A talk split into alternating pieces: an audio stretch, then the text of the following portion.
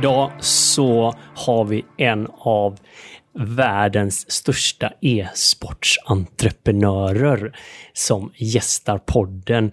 Och eh, han var tidig på den här bollen som vi for, flesta av oss fortfarande kanske inte riktigt vet vad det är för någonting. Men det är en sport som håller på att ta plats i finrummen och kanske är närmre OS än vad det någonsin har varit. Eh, Ludvig Sandgren har startat betydande lag i Sverige. Idag så driver han God Sent, ett av Europas bästa lag. Varmt välkommen Ludvig Sandgren. Tack ska du ha. Sjukt kul att ha dig här. Ja. Jättekul. Ja, tack själva. Du sitter ju inte med i studion. Nej. Vi har försökt få dig eh, så närvarande vi, vi kan. Berätta lite grann, var, var håller du hus någonstans? Uh, för närvarande befinner jag mig i Malta, eller på Malta. En uh, sten strax söder om uh, Sicilien i Mediterranska sjön, tror jag man säger på svenska. Jag ser det, vi har med dig på, på videolänk här. Det ser ut som att solen håller på att gå ner. Ja. Det ser ut att ha rätt schysst utsikt.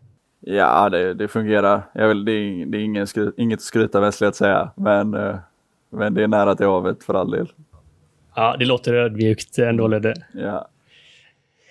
Men, alltså, du har ju en väldigt intressant bana får man säga. Men, men hur, hur hamnar en eh, jurist, en framgångsrik handelsstudent eh, som börjar köra lite juristjobb va, i Göteborg. Hur hamnar man som e-sports-VD eh, i Malta? Ja, vi får plocka isär några av grejerna där. Vi ska nog börja med framgångsrik handelsjurist. Det tar vi isär innan. uh, Okej, okay, det är där vi börjar kanske. Ja, men jag gick ju på Handelshögskolan i Göteborg med några som ni är bekanta med. Uh, till exempel Johan Norin i synnerhet, som är en barndomskompis. Men jag, jag pluggade, spenderade det 5-6 år på Handels och sysslade med finans och ekonomi och var nog mer på väg mot finansbranschen. Jobbade ett tag som finans, liksom telegramjournalist eh, och skrev eh, Nasdaq faller krönikor och sådana grejer. Och var på väg dit. Men så tog jag liksom Sen så bara bestämde jag mig för att strunta i det lite. Jag trivdes väl lite, tyckte det var svinball. Så att jag gjorde en sån svennig eh, eh Sydostasienresa kom tillbaka, läste filmskapande i Lund, eller jag bodde i Lund och gjorde det i Malmö ett tag och sedan så kom jag tillbaka till Göteborg och av en händelse, jag, jag var och gymma med Johan Norin, eh, varpå jag fick jobbet egentligen som Kärnan hette det jobbet på då. För de som inte vet vem Johan Norin är, Johan Norin grundade Jansson och Norin som är Göteborgs, eller var en Göteborgsbaserad affärsjuridisk byrå som var nischad mot tech och startups i Göteborg och i Stockholm framför allt. Och var en, liksom, eh, ja, blev så småningom ett företag som hade mycket att säga eller som var en viktig del utav det svenska startup-ekosystemet skulle jag säga.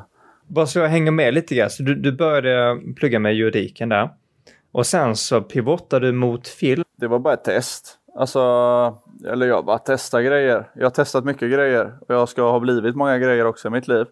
Men eh, liksom varit intresserad utav film och eh, det jobbar jag ju med lite faktiskt nu. En del utav liksom, den produkten som vi har nu.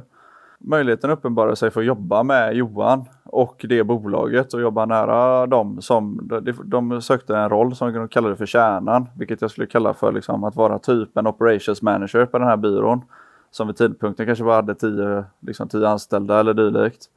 Och då så fick jag under två års tid jobba liksom, och sitta med i deras styrelse och vara sekreterare i styrelsen och jobba nära Nisse och Johan Norin som var starka entreprenörer och se hur man driver en byrå, eller den byrån åtminstone från insidan och alla bolag som de var engagerade med och egentligen göra allting som tillhörde liksom att få den, det var en väldigt administrativ roll, men med den innebörden att jag lärde mig väldigt mycket om företagande på det enda sätt som jag egentligen anser man kan lära sig om det. Vilket är vara i fält. och, och, här så får man ändå säga att du är i, i, lite som du har hintat, alltså i kärnan i en startup-värld. Ja, ganska tidigt det, ändå. definitivt liksom och fick hjälpa Nisse att skriva The Startup Manifest och liksom sådana grejer. Se Johan Norin arbeta, vilket i sig är en ynnest, tycker jag. Om du skulle beskriva dig själv liksom eh, under den tiden, mm. hur, hur var du då? Var, hur, hur, jag kan tänka mig att din learning curve och utvecklingskurva var liksom gånger tio. Säkert. Ja, det var det nog. Definitivt det. Men också alltid liksom en man centrerad i mig själv uh, och rebellisk och liksom lite för emotionellt och åsiktsdriven tror jag. Och, eh, men absolut lärande, men ville fortfarande göra grejer på mitt sätt och hade åsikter om hur saker skulle göras och sånt hela tiden. Så att, uh, ja, konfliktbenägen utan tvekan tror jag. Är lite hur, pa hur passar det eller passar inte in i, i konstellationen med, med de du jobbar med och så? Då? Det, det, alltså det passade väl eh, sådär i förlängningen kanske. Men under tidpunkten och under det första året ett och ett halvt året gjorde jag ett bra jobb. Till och med att jag bytte jobb. jo men det är ju vackert detta någonstans, ja. för jag tror många kan känna igen sig. Du är väldigt bra på att artikulera och väldigt tydlig, men någonstans den här rebelliska känslan om man mm. tillhör en struktur eller en organisation, men man känner också att det är någonting som vill släppa lös och, och det kanske tar sig lite som du säger i mm lite konflikter och ja, men lite sånt där som alla upplever nästan. Det kan också kanske finnas lite liksom att ändå finns ledarskapsvilja eller något sånt. Alltså en vilja till att prägla miljöerna som man är i och verkar i. Och så är det en annan ledare som är den riktiga ledaren. Japp. så, så, så, då, då, då, så då kanske jag ska... Ja, vi, vi känner igen oss i, mm. i detta fallet här i studion också. Ja. Men där var jag då och då lärde jag mig massa saker om liksom den juridiska praktiken men också praktiken av att driva flera affärer och att även toppstyra flera affärer eftersom att de eh, Jansson Norin blev lite en, en liten liksom legal tech-koncern skulle man nästan kunna kalla det för. Eh, så där lärde jag mig mycket. Och hur jag kom in i e-sport sen, det kommer sig utav att eh, jag är, vi är alla från Göteborg och i Göteborg så fanns det ett lag eller ett gäng killar som spelade ett spel som heter Dota och startade ett lag som heter Alliance. Vi året 2013 vann eh, en av världens största prispooler, eller den största prispoolen i e-sport vid den tidpunkten. Där var vi då 2,5 miljoner dollar var prispoolen på i ett spel som heter Rota. Och de här... 2013? 2013 är detta. Och nu, nu pratar vi ju, um, vi pratar dataspel 2013. Um, ehm, E-sport, hade ens det, kom, liksom den definitionen kommit till eller kom det senare? Nej, den fanns då det fanns definitivt då. Men jag skulle säga att det här var kanske den tredje installationen, eller vad man ska kalla det för, av den här turneringen. Och e-sport började liksom verkligen komma igång på tidiga 2010-talet. Och prispooler och liksom sponsorer och så vidare började komma in i det. Long story short var att eh, då så kände jag de här killarna och de här killarna fick liksom egentligen så skulle det här bolaget som var det laget då bolagiseras som ett svenskt bolag. Men det var tidigare ägt utav, det hade ett amerikanskt ägande. Och det var en transaktion av det här jättestora e-sportklubben från att vara amerikanskägt till att bli svenskägt och det bolag det är idag. Och den transaktionen hade jag hand om eh, då som liksom eh, det var den processen bara i egenskap utav jurist på deras sida utav den affären. Eh, och så upprättade jag det, liksom hjälpte jag dem att upprätta bolaget och skriva väsentliga avtal och så vidare.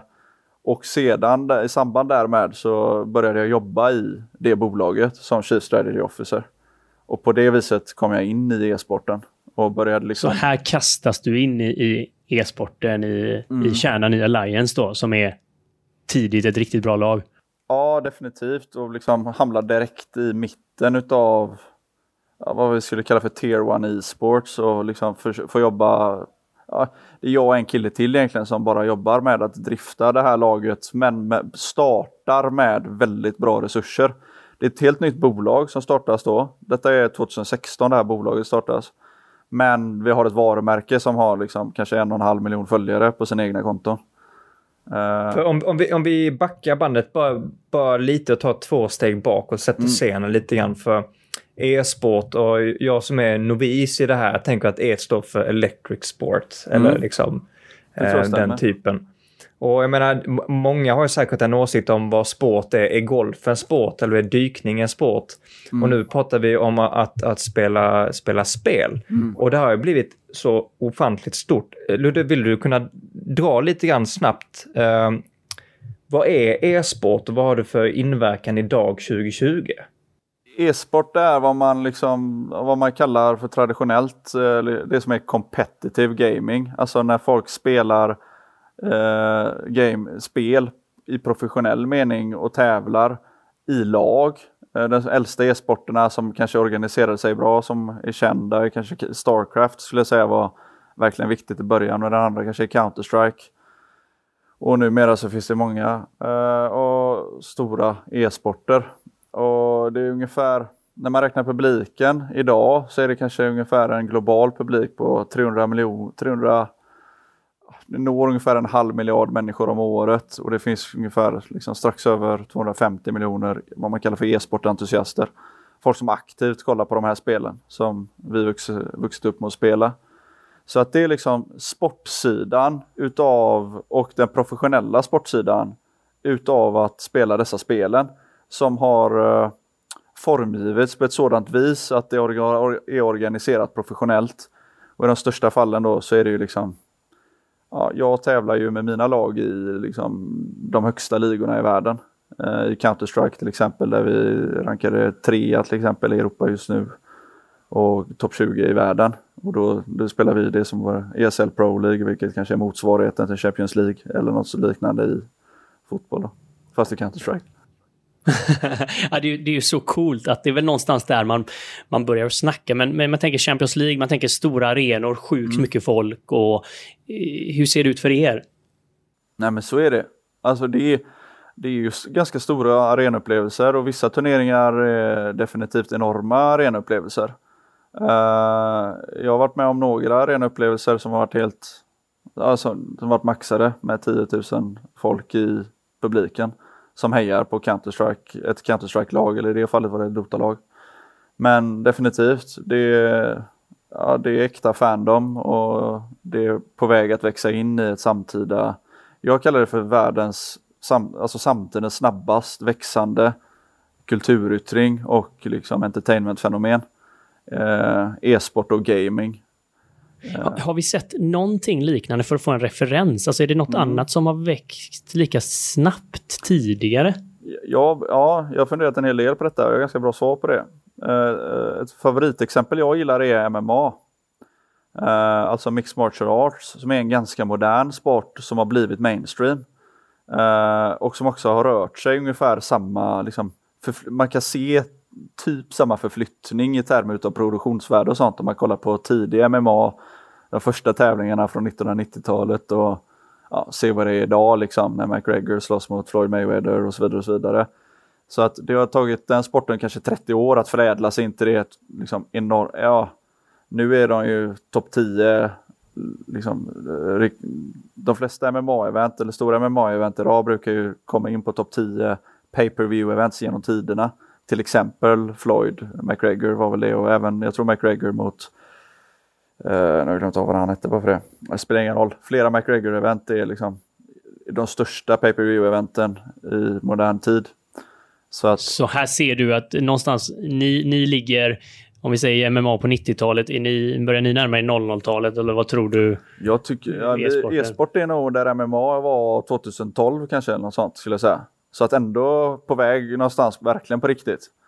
Uh, och det liksom börjar bli enorma värden, uh, utan tvekan. När man tittar mot klubbarna jag spelar mot ibland och deras, eh, liksom vad de har gjort för kapitalresningar. Om vi tar Fnatic eller Cloud9 eller FaceClan. FaceClan senaste runda var på 40 miljoner dollar. Fnatics på 21 miljoner dollar. Cloud9 gjorde en serie B-runda på 50 miljoner dollar. Alltså, jag ska också göra min nästa runda. ja, ja, det, ja det, är ju... det, det, är lite pengar vi pratar här. Jag, jag tackar ödmjukast för den här liksom intron till e-sport och, och det som många kanske inte fattar är hur mycket tid och liksom energi och träning det krävs för att hålla den här nivån. Jag menar, vi var inne lite grann på MMA och sådär. Mm. Jag menar, MMA är säkert någonting folk kan titta på, men kanske svårt att relatera till om man inte själv är inom kampsport. Men gaming är ju någonting som blir så stort allt med när världen väl liksom håller på att digitaliseras. Mm. Eh, och folk liksom generellt ökar sin levnadsstandard. Så att det, det är lättare att relatera till detta. Vi är nog liksom bara i startgroparna till en jätteboom. Definitivt. Uh, Gaming, när man mäter branscher, om man tittar på gaming så som varandes en, liksom en underhållnings eller konsumtionsvara så är gaming, alltså spelutvecklingsbranschen, ungefär dubbelt så stor som eh, film och musikindustrin tillsammans idag. Wow, var det dubbelt så stor som Film och eh, tv Film. tillsammans. tillsammans? Definitivt. Det makes total sense också om du har lite koll på demografin utav gamers. Alltså det spelas, alltså då, då jag, jag tror inte man räknar typ Candy Crush Saga och liksom sådana liksom plattformsmobilspel dit. Men gaming i våran, min generation och, de, och alla generationer som kommit efter spelas det jävligt mycket datorspel killar. Alltså över hela världen. Eh, och synnerhet nu när mobile gaming är, liksom när folk spelar mycket på mobiler också. Såna Ja, det blir ju extremt tillgängligt helt plötsligt. I en kultur där man har inte tråkigt längre, för man har ju liksom tillgången, precis som du sa Mikael. Ja. Jag, jag tänkte vi skulle hoppa tillbaka lite grann nu eh, efter intron. Det är slutet av 2016 som jag börjar få, liksom, få ansvar för den här affären. Det, det är i sin enkelhet en transaktion utav en klubb som blir köpt utav svenska ägare eller liksom den, den, den, kommer, om, den kommer till dem på ett särskilt sätt åtminstone. Och eh, det blir ett svenskt bolag som numera är klubben. Och det, idag finns det tre svenska internationella prominenta e-sportklubbar. Eh, Min är, eller vår, ska jag säga. Godsent är en av dem. Den andra är NIP, eller Ninjas in Pyjamas. Som ni säkert kanske hört talas om någon gång i era liv. Och den sista är Alliance, vilket är den klubben som jag hjälpte till att bolagisera. Och då började jag jobba där 2017, precis i början av 2017 tror jag detta är. Så började jag liksom jobba med att drifta dem och deras lag och lära mig allt om e-sport från insidan och vad det innebär att ja, att, att drifta ett e-sport, e- flera e-sportlag och ett e-sportvarumärke och ett e-sportföretag. Och eh, ja, sedan så går det ett och ett halvt år eller liknande varpå jag startade det här bolaget, eller det som blir Godsent idag så småningom då.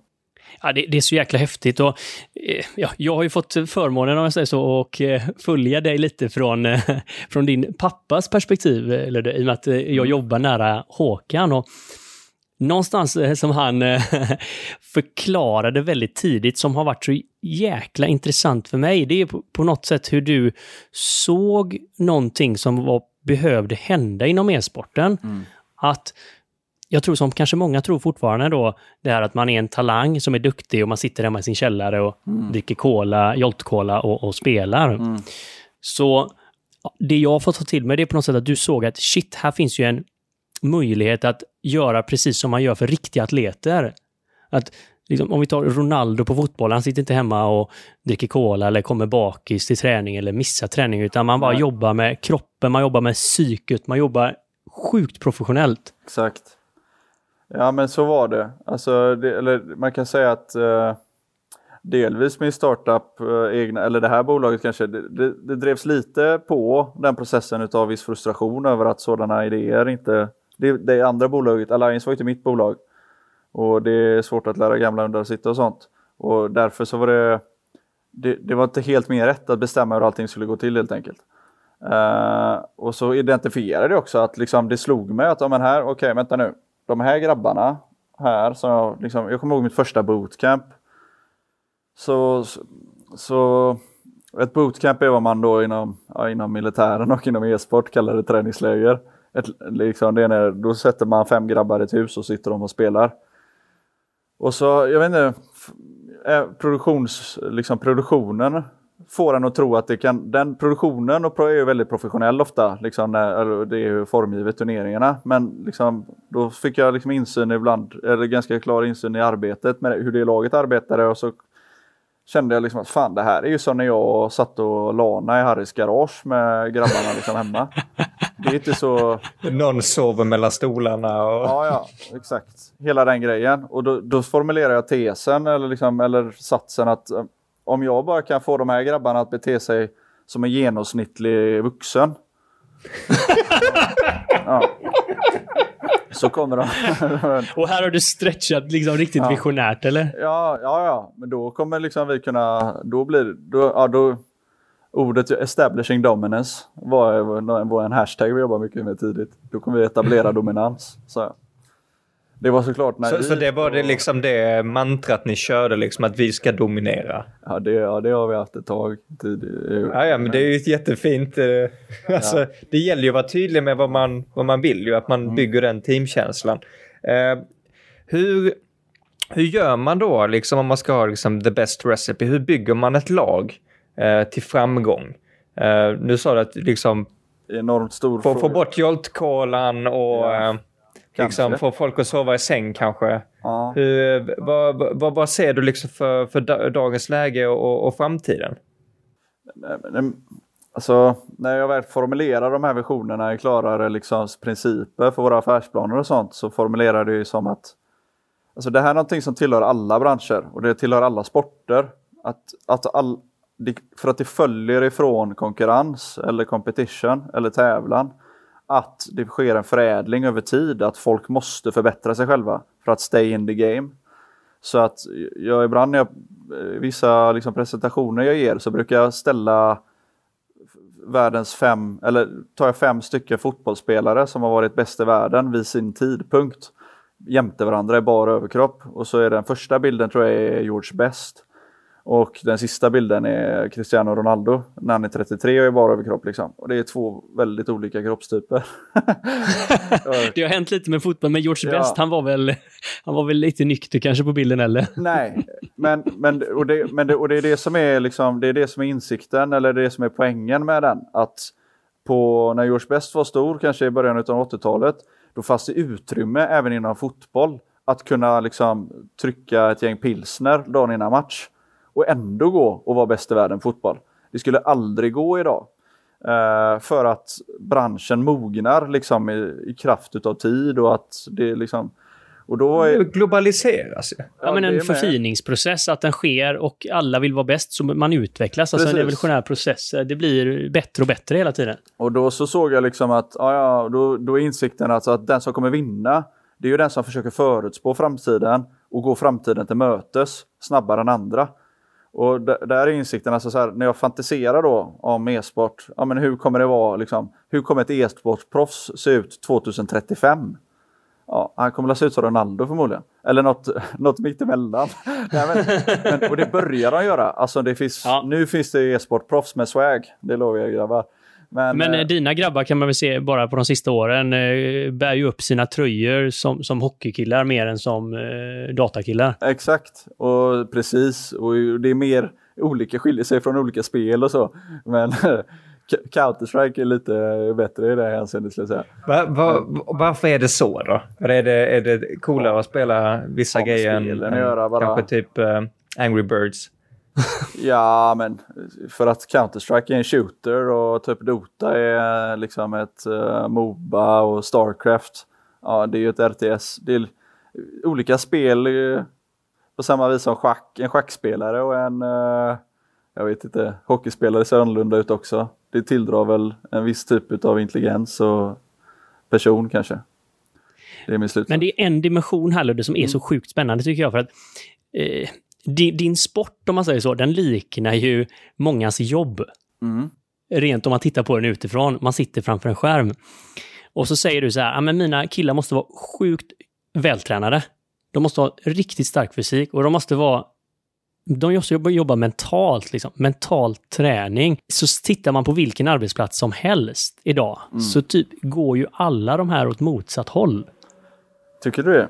Det får vi inte hoppas att det är på det sättet. Då. Men det kanske är Ja, så. men typ, det är liksom kroppsligt, vi har Ja, ju ja, hållningar som eh, neandertalare och liksom ölmagar. Och... Neandertalare hade nog bra hållning, vill bara säga det. Men, det får vi nog True. anta. Ja, men, eh, det, men jag hör dig och eh, ja, det, men det är ju liksom, det säger ju egentligen mer om eh, de professionella miljöernas misslyckande än vad det egentligen säger om e-sport. Eller allmänt. Japp. För att det borde ju vara sant i varje fall. Vad du än gör så borde du liksom sträva efter att göra det på ett eh, rakryggat vis. Men Ludvig, det jag hör och det jag verkligen gillar här, det är egentligen, jag tycker att alla bolag borde ha den inställningen att om jag kan göra det bästa så att mina eh, anställda eller mina kollegor producerar det liksom mest värdefulla de kan, mm. då är det ju värt det. Amen. Istället för att gå och, och mäta på när man, eh, när man eh, klockar in och när man klockar ut, vilket är det tradi eh, traditionella sättet att, att, mäta värde. För förr stod vi där, och många gör fortfarande, att man, man monterar någonting eller att man, man jobbar på, på, på banan. Och det gör det ju värde desto fler timmar du jobbar. Amen. Ungefär är det inom eh, vården detsamma. Men eh, det är inte fallet för Nej. så mycket annat som har kommit fram idag. Jag menar, eh, egentligen om, om vi tar bara min hypotes om e-sport. Om du kör 18 timmar, 18 timmar, spelar ingen roll om du gör två timmar. Absolut. Det är liksom kvaliteten istället för kvantiteten som spelar roll. Utan tvekan. Det, det finns massa element eller liksom olika aspekter till det, men eh, det, det, inne, om du, det, det du producerar måste ju liksom vara kvalitetsankrat i någon mening. Så det har du helt rätt i. Eh, sen är det utan tvekan så att om du ska bli, ja, det, om du ska bli ett proffs i någonting, så oavsett vad det är, så behöver du ge dig hän och du behöver offra din själ till det värvet. Om det så är att du ska bli liksom eh, podcastproffs eller vad det må vara. Va?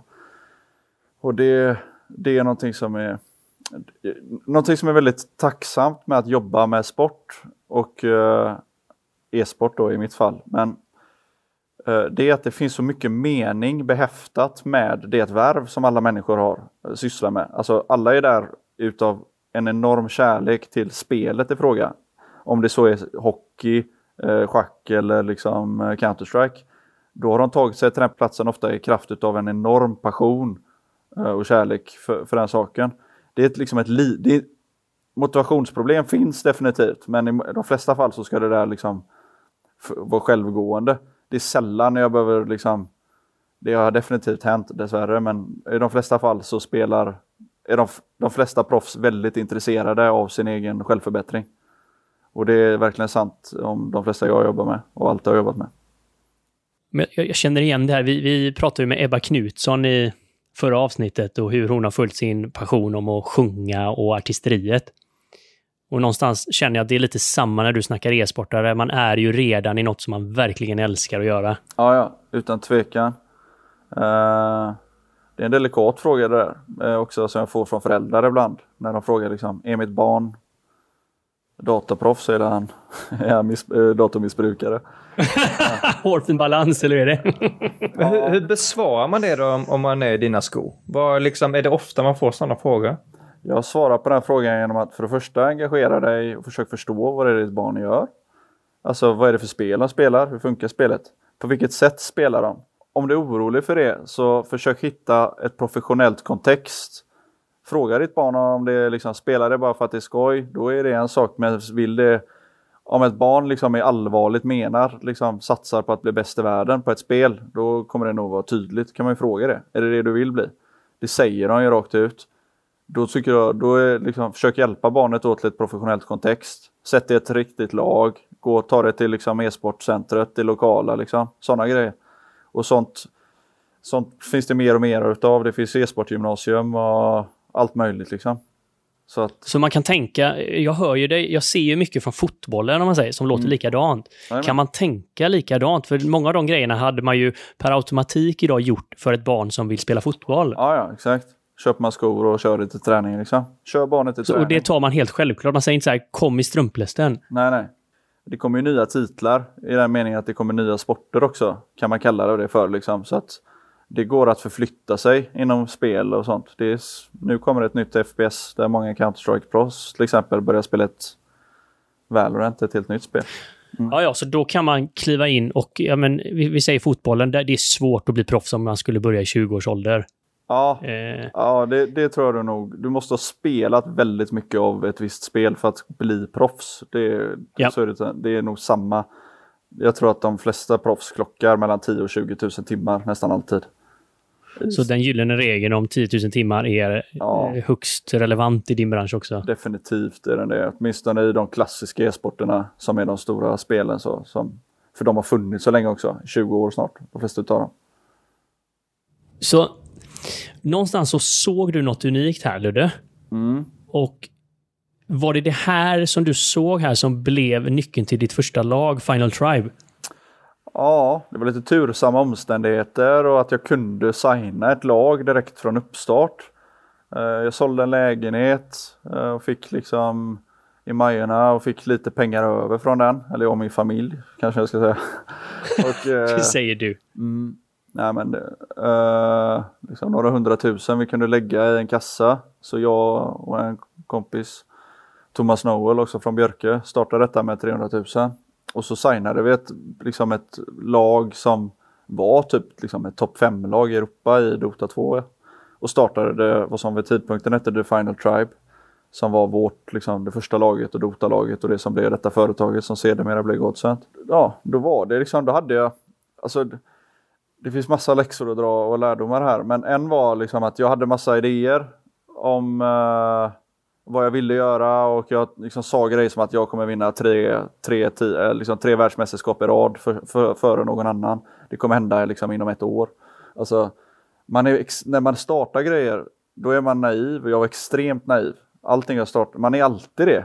Men, men det hör till lite eller det, också? Det måste vara så. Alltså det, det, det är så, och så blir du grindad in i sanningen om din affär i kraft av att du får möta verkligheten.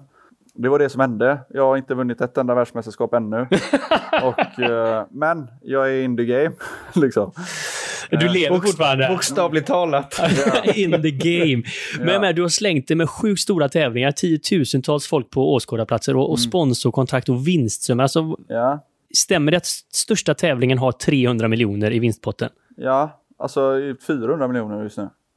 Det Nästa år. Helt Nästa The International i Dota 2. Det var, det, det var den turneringen som Alliance vann 2013.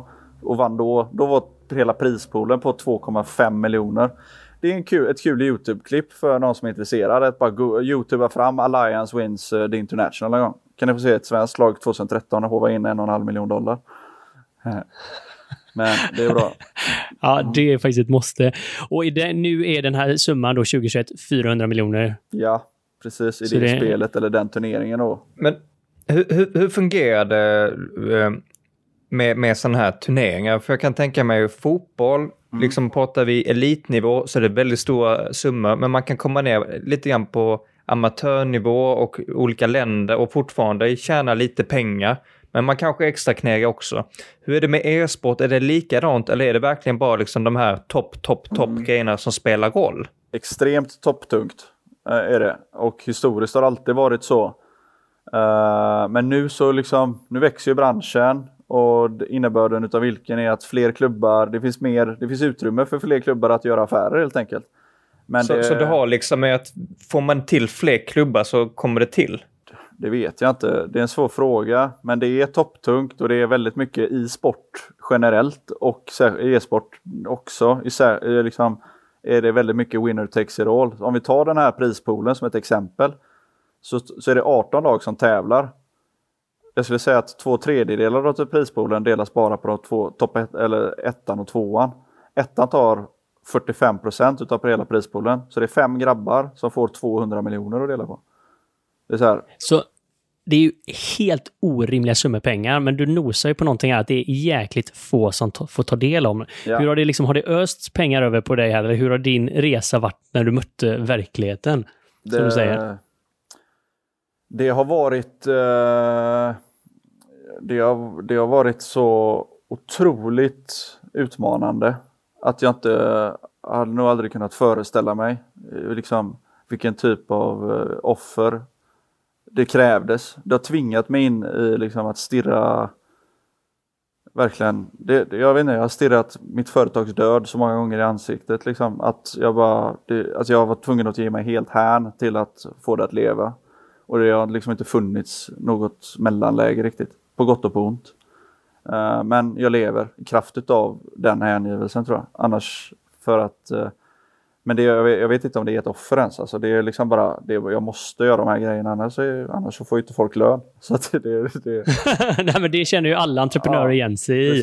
När, när det finns pengar på kontot eller när det inte gör det den 23 ja. när lönen ska köras. Och, och just den biten, hur, hur, hur balanserar man det? att um, för jag kan tänka mig att det, det, är mycket på spel.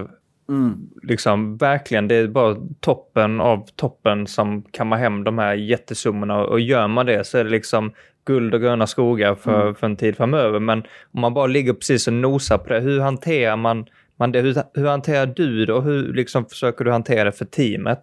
Det, det finns inga lätta svar på den frågan. Alltså det är bara det är bara att fortsätta traska framåt liksom. Det är det enda som går att göra. På gott och på ont också. Alltså så är det så här att sport är också så sammanvävt med väldigt omedelbara emotionella svängningar. Det är inte som i andra företag föreställer jag mig där att vinna eller att förlora någonting är liksom lite mer abstrakt.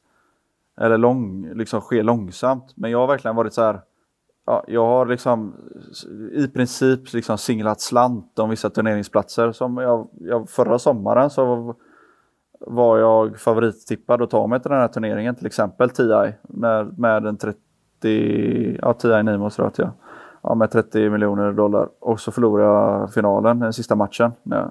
Och då, ja, det var en riktigt mörk dag i mitt liv vill jag lova. Ja. Ja. förlåt, förlåt att vi skrattar. Och då är man ändå tvåa ju så att... ja, men då missar jag den turneringen och då är det inte någon förrän nästa år och liksom skillnaden var så här, det är så här, det är så många miljoner som bara försvinner framför ens ögon och affärer för att ja, det, det hör till naturen av den här affären men det vi paketerar är ju liksom en varumärkes och marknadsföringsaffär och den är såklart beroende av att man är på de turneringar där man syns. Att... Men det känns ju, alltså den förståelsen, kan, det är nästan som när man ser idrottsstjärnor som eh, kämpar mot OS. Mm. Exakt, och inte kommer dit ja. Tänk dig vad det Japp. en löp, tänk dig vara en långdistans, typ en sån 800 meters löpare som alltid är typ trea eller fyra i finska landslaget. Det fattar jag hur de jävlarna släpar sig till löpbanan alltså. Det finns liksom inte, inte ens, fan, vem hörde någonsin talas om vem som vann liksom 800 meter i OS senast? Ja, ni fattar ju. Liksom, the fame and fortune som finns, alltså the gruesome work de gubbarna puts in. Ja, jag fattar ja, men det, det, är inte konstigt vi, vi, vi inte känner till det för e-sport. Kom in och ta över alltihopa ju. Ja, men vad är det som driver dig i detta Ludde? Alltså, du, du förklarar hur tuff den här processen har varit och hur många gånger du har sett liksom, pengarna i tomt och kommer tvåa när du måste vinna. Vad är det som gör att du fortsätter att komma upp och kämpa för den här eh, visionen? Uh, nej men alltså jag, det, jag vet inte. Jag tror, jag tror det bara följer från att man inte har något val. Alltså förutom att ge upp. Då. Alltså alternativ, det, det är som att man bara Alltså det är lite, man mognar ju även i det. Liksom, ja, ja, Ludvig, synd om dig liksom. Men det, vad ska du göra? Ska du gå upp? Eller ska du ge upp? Eller ska du gå och lägga dig och liksom gnälla över det? Det kommer inte hjälpa. Det är som att i... Jag skulle säga att du kommer i kontakt med din arbetsvilja i de förlusterna. Alltså, bara, bara den förlusten som ett exempel. Då sitter vi i laget där i rummet liksom och hanterar den totala ångest vi sitter i. Men det enda sättet att hantera det på är, såvida jag kan se, att man blir mer motiverad i någon mening. Att man, det finns bara en lösning här och det är att jobba hårdare och ännu mer. Liksom. Eller så är det att sluta då. Ja, då, och det är, jag vet inte, att sluta är, det går inte. ja, men för dig hittills så har det inte varit, låter som det har inte varit tvivel en enda gång. Komma Nej. hem, bryta ihop och bara komma riktigt mycket starkare igen då. Ja, det är det enda som, och sen får man vara innovativ och så liksom. Man får, man får det, är, det är ett spel liksom. Play the long game brukar jag säga också. Vad menar du med det? Jag menar att, alltså, någonting du lär dig när du spelar, eh, som du lär dig i kraft av sportens mekanik är att alla lag förlorar nästan hela tiden. Det tillhör till och med liksom algoritmen i en turnering att i en, i en turnering så kommer det bara vara ett lag som vinner alla sina matcher. Om ens det. Alltså, för så är det ju. Det var ett slutspel, det är det ju en självsorterande liksom, mekanik där. Alltså hur den, om du tänker dig 16 del, 8 del, kvartsfinal, semifinal, final. Och det är bara det laget som har vunnit alla de som går vidare. Alla andra förlorar. Så att, och det är bara en turnering utav liksom tiotals turneringar man spelar. Så att man, man kommer, den insikten är viktig. Så här att det tillhör spelet. Att, att vinna i förlängningen, det är att ha bra vinst, det är att ha en bra winning percentage. Inte att liksom vinna allt hela tiden. Det är väldigt sällsynt att det händer och det vet ni liksom i sport, i fotboll att man ser dynastier. Nu har vi en Liverpool-dynasti i Champions League där allting verkar stämma i den här klubben. Fy fan vad fint att se. Nu håller inte jag på Liverpool, men ni fattar grejen. Och så, Ja. och så går det ju så. Liksom, Real Madrid, hur i helvete vann Real Madrid liksom, tre Champions League i rad? Det är med Zinedine Zidane som tränare. Det ska inte gå att göra sådana grejer, men sånt händer. Och sen händer det aldrig igen liksom, på tio år. Så att eh, det, nej men att bara man lär sig att man, tyvärr, det hårda, den hårda vägen lär man sig att eh, förlora. Och man kommer också, så här, man, förstår också att det, du, du kan inte gå och vara ledsen hela jävla dagarna liksom. Det går inte att leva så. Bara gå vidare nästa, nästa Ja, men det är ju en sjuk match. livsinsikt. Vad, vad, vad jag hör här det är att, ehm, för Mikael, du brukar ju säga så att man har alltid ett val. Man kan alltid göra bu eller bä. Och Ludvig här säger du att vi håller ihop laget och en förlust gör oss starka. Liksom, då är det på det igen. Och för mig är det här liksom verkligen eh, eh, ledande karaktär. Ja, Att man ser till att liksom, vi kan inte sitta här och, och deppa i två veckor eller skylla på någonting. Ja, man hade så jäkla mycket tur med det där. nej, Så ja, men vadå, tur är väl part of the game i så fall. Se definitivt. till att vi får lite mer tur nästa gång. Nej, det, brukar, men det brukar bli med manifest i liksom en pragma, pragmatik. Man, man förhåller sig pragmatiskt till omständigheterna. Utvärderar det man är med om. Dra läxorna. Inarbeta dem i din, eh, din hållning framåt. Och sen går man vidare och spelar nästa match. Kan, kan du göra en sån här hypotetisk utvärdering så kanske vi kan börja utvärdera våra, våra tillställningar på arbetet också. Hur, hur sitter du och liksom går igenom eh, en turnering eller liksom en match och utvärdera det för att bli bättre? Nu, det, nu är inte jag superinvolverad i det arbetet eh, numera. Eh, men det är, alltså, jag skulle säga att vi tar vårt Counter-Strike-lag då som är det bästa just nu. Delvis så har det en psykologisk coach.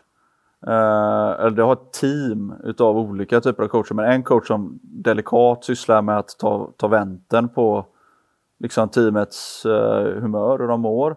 Och så lägger det också på, liksom, på platsens en struktur för att eh, utvärdera de här sakerna. Så att efter ett match, om man vinner eller förlorar, så eh, då kör man liksom, då sätter man sig och så tittar man på matchen, man går igenom replayen. Det här gjorde vi bra, det här gjorde vi dåligt, alla, var det någon som... Så pratar man om det. Det är väldigt vanligt. Så skulle jag säga att det går till.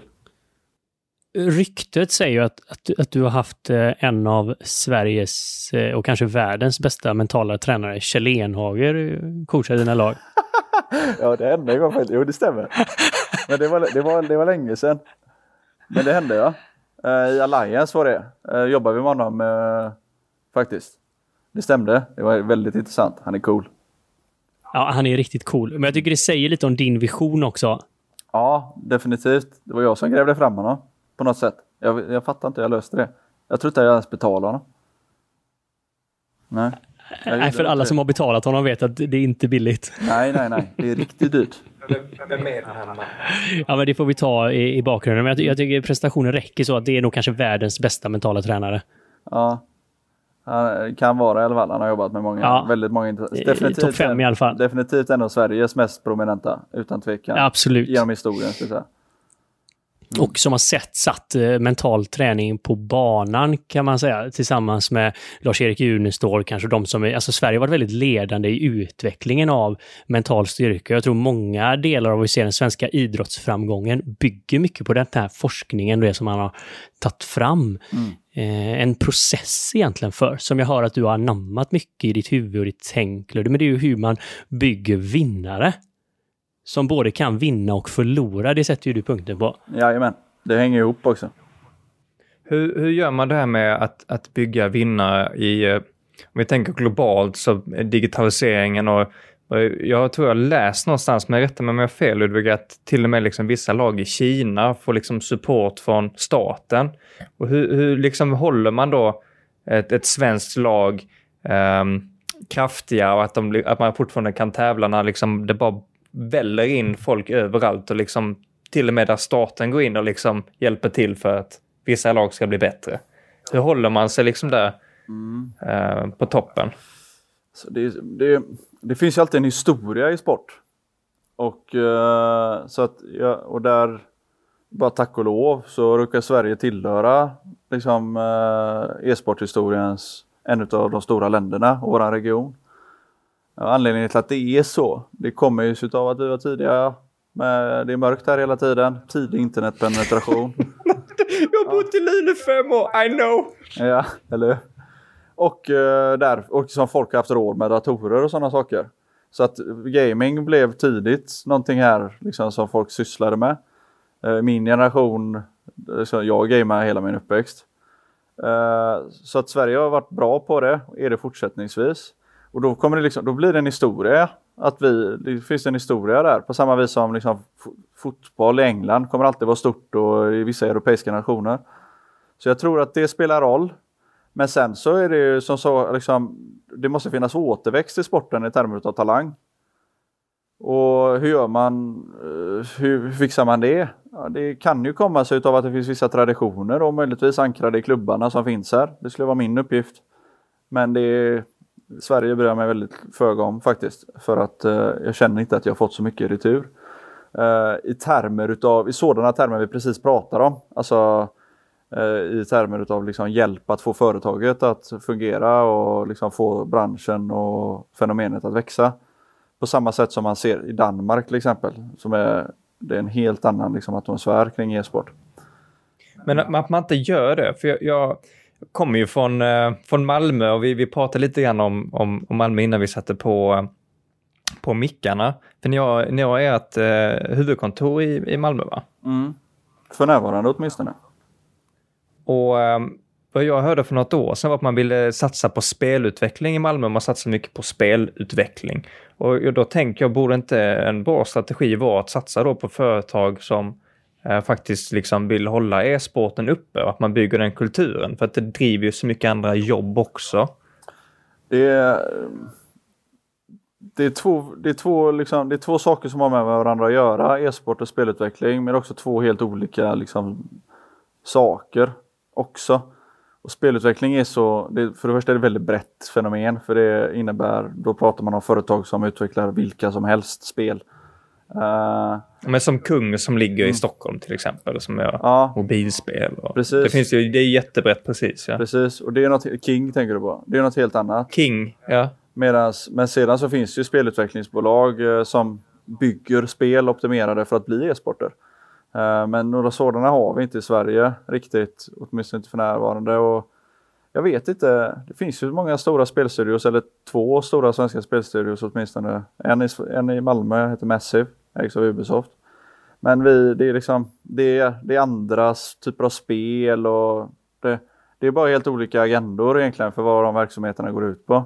Och de är inte så tätt ankrade. Jag är, vi är verkligen en ganska renodlad sport och entertainment. Det är en klubb liksom i någon mening.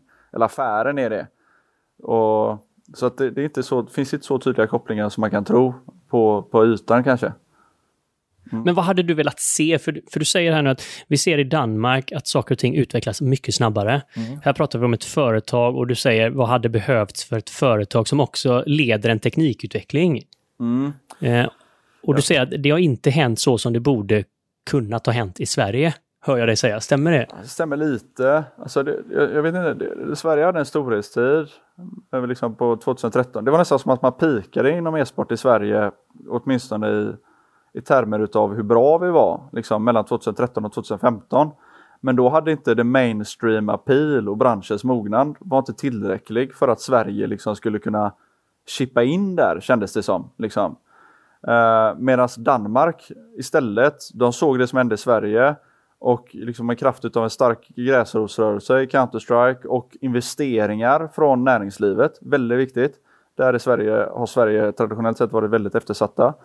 Uh, och venture capital. Uh, liksom, och även från staten.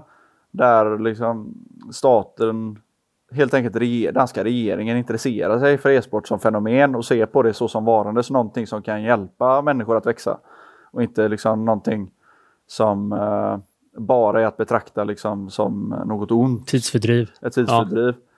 Uh, så att ja, man bara... får fyrkantiga ögon av att stirra på den här skärmen. Ja, men det, det är ju, det... Man, man, kan ju se det från två olika sätt. Man kan ju se det som att shit, allting nytt som kommer är farligt. Mm. Uh, Sov inte med mobilen eh, liksom bredvid dig. Ja, det kanske är farligt, vet jag inte.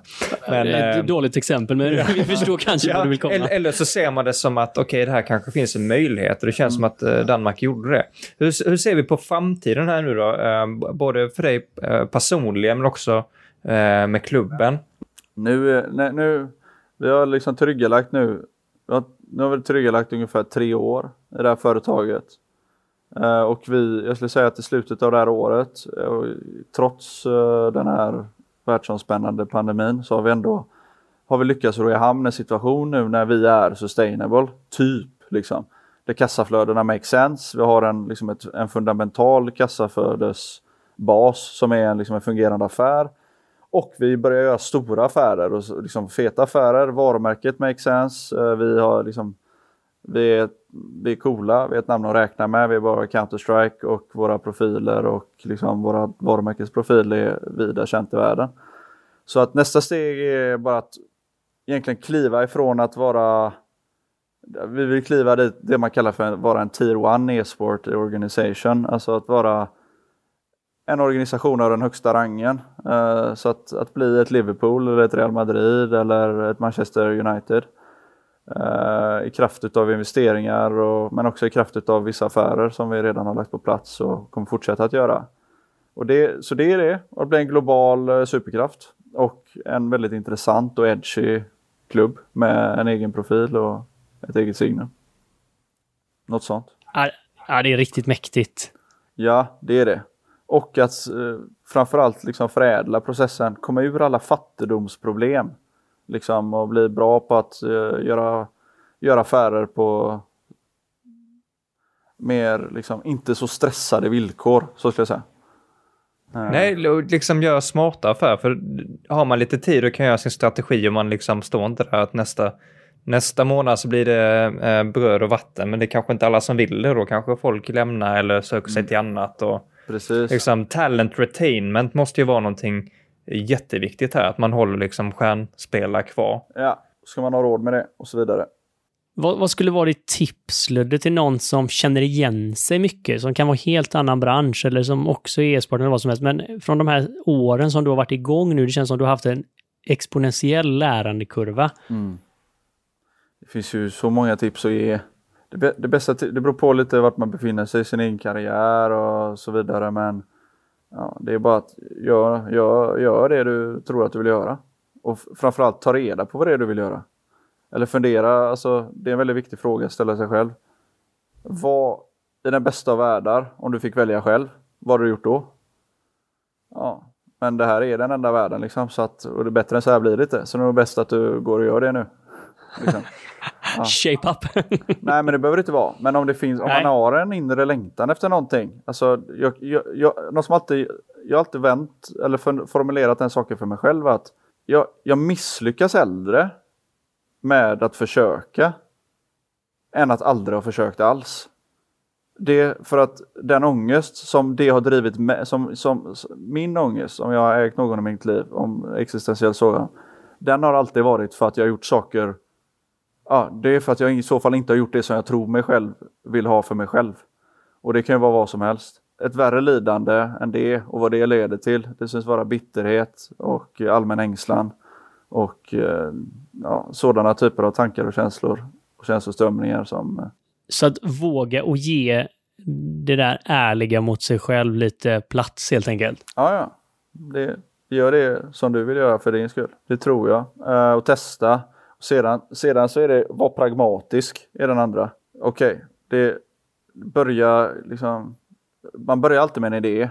Idén är nästan alltid skruvad liksom, och fel och det kommer och det gör inget. Den kommer vara naiv för att du aldrig, du har inte testat den mot verkligheten. Och eh, det, många företag de finns kvar bara för att någon börjar göra någonting överhuvudtaget. Sen var produkten någonting annat än vad man startar med. Det är väldigt det är viktigt att, liksom, att man lär sig genom att vara in the game. Det finns inget annat sätt att spela. Uh, och det tror jag är en väldigt viktig grej. Och det kan vara liksom, vill du lära dig om en viss bransch? Ja, men börja liksom sopa korridorer då i den branschen. Och se hur de jobbar där. Och så ta det därifrån. Något sånt. Så go and do it.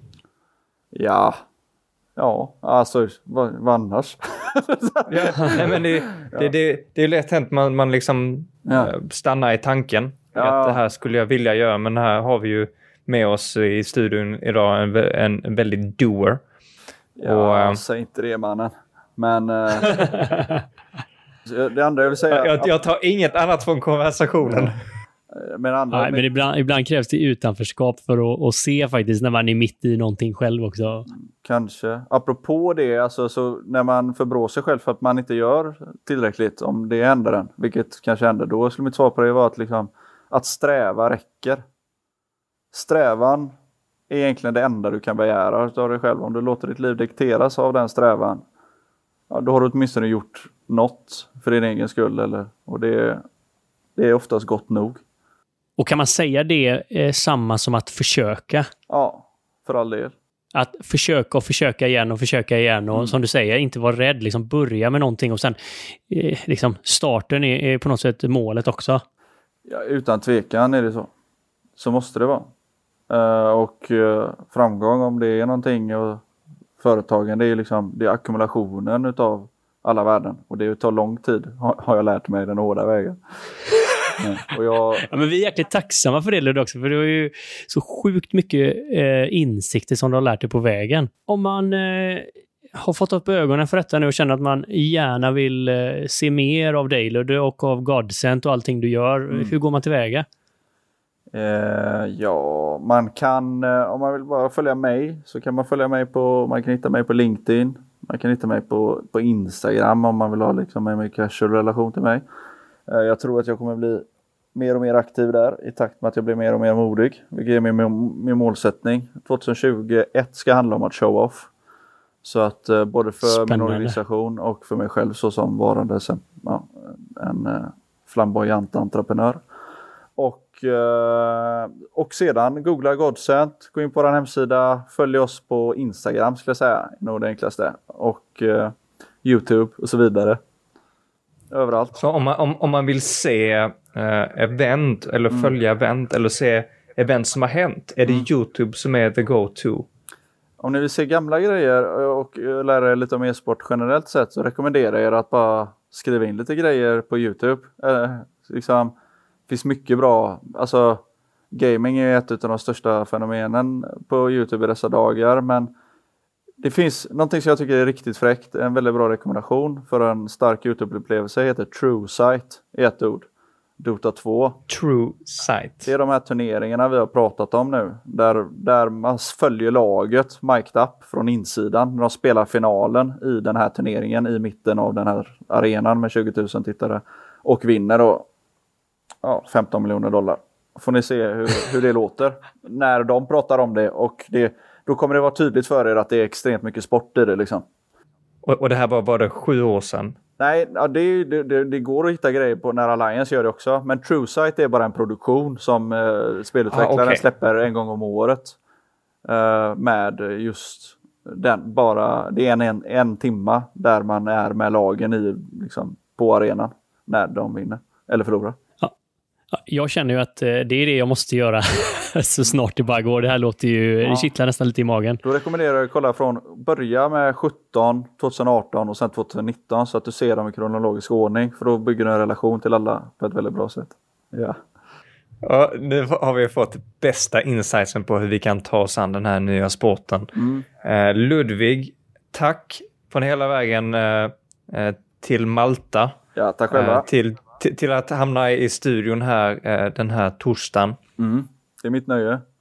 Ja, det är fantastiskt häftigt detta och sjukt roligt att ha med dig eh, Ludde. Och eh, verkligen så spännande att, att se vad den här potentialen kommer att ta vägen. Om vi, ja, du slängde det med 2035, men jag tror faktiskt vi behöver inte gå längre än två, tre år så kommer vi se så mycket mer än vad vi gör idag. Ja, det, det, det är jag säker på också. Och jag hoppas att jag får vara en drivande kraft i den utvecklingen. Kör! Jajamän. Vi håller alla våra tummar. Det gör vi. Jajamän. Det gör vi. Ja, vi säger så då, då eller? Ja, tusen tack Ludde. Ja, tack själva. Ha det gött gubbar.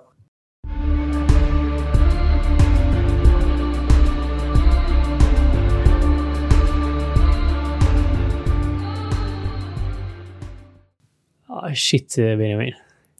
Jag är så nöjd. Nu har jag ett svepskäl till att börja gamea med. Ja, men alltså, när ni två började snacka skärmar och hur legitimt det skulle vara att ha tre stycken böjda feta Samsung-skärmar i köket. Ja, det, det kan ju ha varit att det var en sån här lite tech-snack innan vi satte på recording. Det kan ha varit så, ja. Men skämt åsido, tekniken eh, eller inte. Det här samtalet var helt underbart på det sättet att eh, det var egentligen mer sport än vad jag trodde vi skulle prata om. Jag tänkte att det var Eh, mycket eh, dataspelsgenre och sånt där och det är det ju givetvis. Men det här med att bygga teamet, fokusera på att få varje individ och liksom ehm, teamet som helhet att fungera som en väloljad maskin. Det fascineras jag otroligt mycket över. Det är ju oerhört spännande. Att eh, hur bygger man starka människor, hur bygger man starka team och hur bygger man starka företag? Någonstans är det ju, det här tror jag man som lekman missar när man någonting nytt kommer. Man står vid sidan och säger internet är bara en fluga. Och jag tror att eh, vi och säkert alla er som lyssnar, det känns som att den här flugan är här och tar på allvar. Med knappen Game On verkligen intryckt just nu så eh, hoppas vi att ni är lika inspirerade som oss att eh, både kolla e-sport och lära sig någonting nytt och verkligen våga testa och försöka. In och följ oss på Instagram, Facebook, där vi försöker att dela med oss så mycket som möjligt av Våga Mera och vad som händer kring podden. Och har du tankar eller idéer eller någon gäst som du verkligen vill ska vara med, tveka inte en sekund att höra av dig. Ha en underbar vecka!